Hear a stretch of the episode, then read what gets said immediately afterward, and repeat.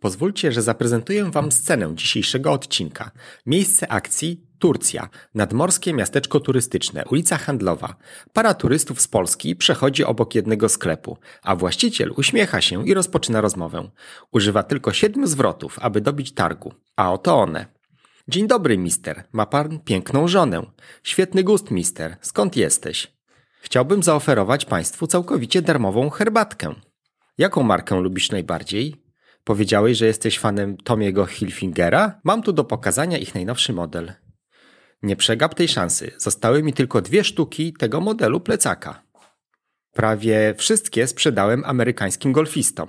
To naprawdę poszukiwany model. Co więcej, jeden z tych dwóch, które mi zostały, jest już zarezerwowany przez komendanta miejscowej policji. No przecież Turcy i Polacy tak wiele wycierpieli, a Turcja nigdy nie uznała rozbiorów Polski, więc chyba powinniśmy się wspierać, prawda? Ten niepozorny facet właśnie wykorzystał wszystkie siedem technik wywierania wpływu na ludzi, opisanych i odkrytych przez profesora Cialdiniego, światowej sławy psychologa, chociaż prawdopodobnie nigdy nie czytał jego książek. W tym odcinku Wszystko Wszędzie dowiecie się o skutecznych metodach perswazji opisanych przez profesora Cialdiniego.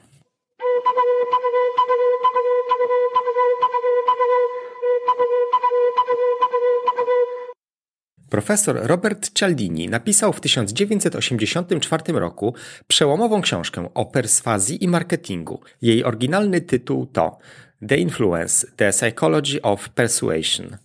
Po polsku została przetłumaczona i wydana jako Wywieranie wpływu na ludzi. Doświadczenia do napisania tej książki Cialdini gromadził podczas trzech lat, kiedy to zatrudniał się w salonach samochodowych sprzedających używane samochody, w organizacjach zbierających fundusze i firmach telemarketingowych, po to, aby w każdej z tych firm zostać przeszkolonym oraz wdrożonym do pracy, aby rzeczywiście pracować w środowisku, w którym wywieranie wpływu na decyzje ludzi jest bardzo ważne. Przez trzy lata bardzo intensywnie obserwował rzeczywiste sytuacje perswazji.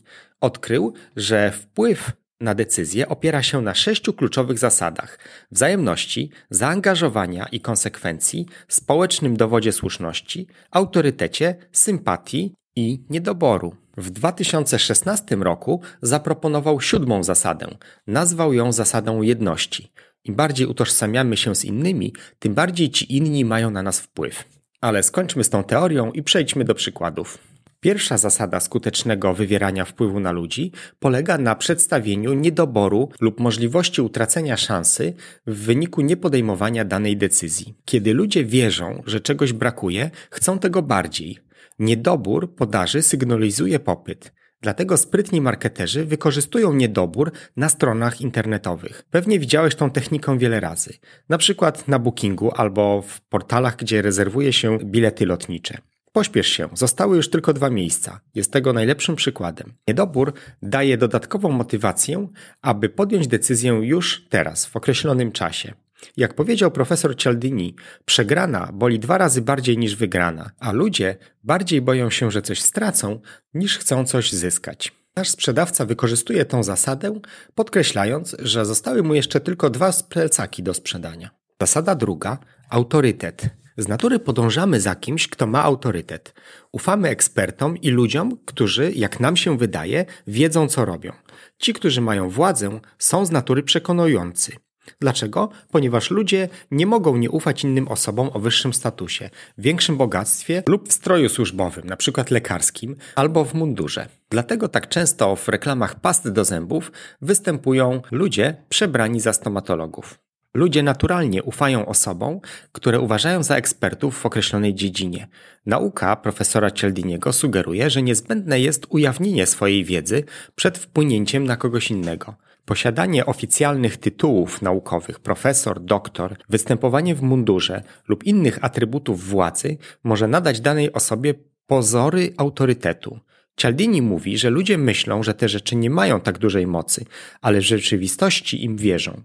Trzecia zasada skutecznego wywierania wpływu na ludzi to społeczny dowód słuszności. Kiedy nie wiemy, co robić, patrzymy na to, co zrobili inni. 14 osób ufa reklamie, ale 70% osób ufa opinii innej osoby.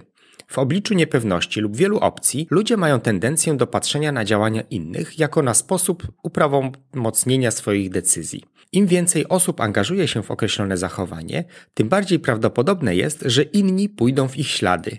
Dodatkowo, gdy ludzie postrzegają innych jako podobnych sobie, są bardziej skłonni do przyjęcia tego samego zachowania. Sugeruje to, że dane zachowanie jest społecznie akceptowalne i potwierdzone przez działania innych.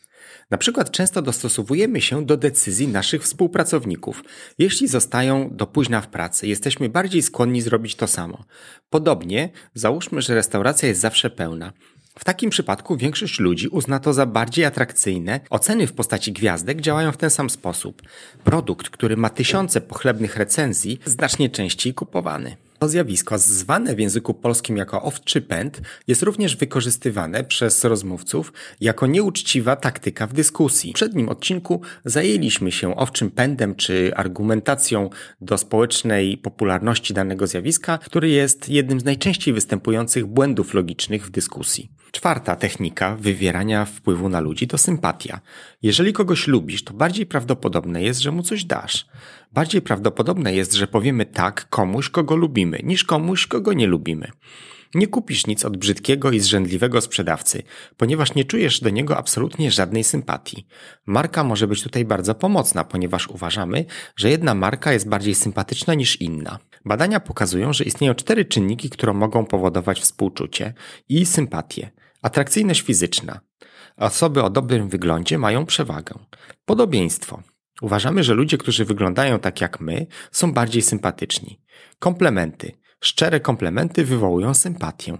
Kontakt i współpraca. Dużo kontaktu szybko prowadzi do sympatii, zwłaszcza jeżeli strony dążą do tego samego celu. W naszym przykładzie turecki sprzedawca wzbudził sympatię w polskich turystach poprzez powiedzenie komplementu na temat brody kobiety, która towarzyszyła mężczyźnie. Reguła numer 5 skutecznego wywierania wpływu na ludzi to wzajemność. Wzajemność uczy nas, że jeżeli ktoś wyświadcza nam przysługę, musimy ją jakoś odwzajemnić. Jest to zakorzenione w psychologii, ponieważ ludzie nie chcą czuć, że są coś komuś winni. Organizacje charytatywne często wykorzystują tą zasadę perswazji Cialdiniego. Dają coś od siebie, aby otrzymać coś w zamian. Może to być kilkugroszowa moneta przyklejona do listu lub arkusz etykiet z wydrukowanym adresem. W takim przypadku, gdy otrzymujesz darmowy długopis od organizacji charytatywnej, masz poczucie konieczności odwzajemnienia się jakąś darowizną. Jeżeli restauracja oferuje miętówki podczas płacenia rachunku, ludzie są bardziej skłonni do dawania napiwków darmowe okresy próbne, ściągnięte e-booki, czy też darmowa herbata są jednymi ze sposobów właśnie wywierania wpływu na ludzi w oparciu o zasadę wzajemności. Dla skutecznego osiągnięcia celu warto znać również zasadę spójności. Ludzie są konsekwentni w swoich wcześniej podjętych decyzjach. Jeżeli wykazaliśmy zainteresowanie czymś lub sympatię do czegoś, to istnieje ogromna szansa, że będziemy konsekwentni w tym zachowaniu, zamiast udowadniać, że się mylimy. Ludzie mają skłonność do konsekwencji. Oznacza to, że ludzie prawdopodobnie będą działać zgodnie z tym, co zadeklarowali w przeszłości. Badania profesora Cialdiniego ujawniły również, że ludzie nie tylko zrobią wszystko, co w ich mocy, aby pozostać konsekwentnymi, ale także czują się usatysfakcjonowani swoimi decyzjami, nawet jeśli dowody mówią coś innego. To pokazuje, jak silna może być konsekwencja we wpływaniu na zachowanie. Aby wykorzystać konsekwencję do wywierania wpływu na kogoś, powinno się uzyskać dobrowolne i otwarte deklaracje zaangażowania. Tak jak w naszym przypadku, nasz sprzedawca spytał, jaki rodzaj marki lubi najbardziej nasz polski turysta. On powiedział, że lubi Tomiego Hilfingera. Pardon my French. Sprzedawca wykorzystał tą deklarację zaangażowania do pokazania mu najnowszych modeli tej właśnie marki. Ostatnia zasada wywierania wpływu na ludzi została dodana dopiero w 2016 roku, czyli 33 lata po napisaniu oryginalnej książki. Ludzie są społeczni, musimy być częścią grupy, społeczności lub rodziny. Zasada jedności, unity, którą Cialdini napisał dopiero kilka lat temu, dotyczy pragnienia wspólnej tożsamości. Chodzi o relacje i więzi. Identyfikacja w grupie może opierać się na kilku czynnikach, takich jak pochodzenie etniczne, przynależność polityczna, lojalność rasowa, drużyn sportowych, a także wspólne doświadczenia, emocje i perspektywy. Te wspólne cechy mogą sprzyjać poczuciu jedności. W przypadku naszego tureckiego sprzedawcy odwołał się do wspólnej historii, by wzbudzić takie poczucie jedności ze swoim rozmówcą. Tak czy inaczej, przeczytanie książki profesora Roberta Cialdiniego Wywieranie wpływu na ludzi lub obejrzenie któregoś z jego filmów może być dobrym sposobem na kontynuację tego tematu i pogłębienie wiedzy dla wszystkich, którym podobał się ten podcast. Zwykle proszę wszystkich, którzy tego nie zrobili, o dodanie subskrypcji tego kanału. Pomoże to w odkryciu tego podcastu dla większej liczby słuchaczy. Tak po prostu działają algorytmy, które sugerują oglądającym lub słuchającym kolejny odcinek. Który dziękuję i do następnego razu. Pozostańcie ciekawi.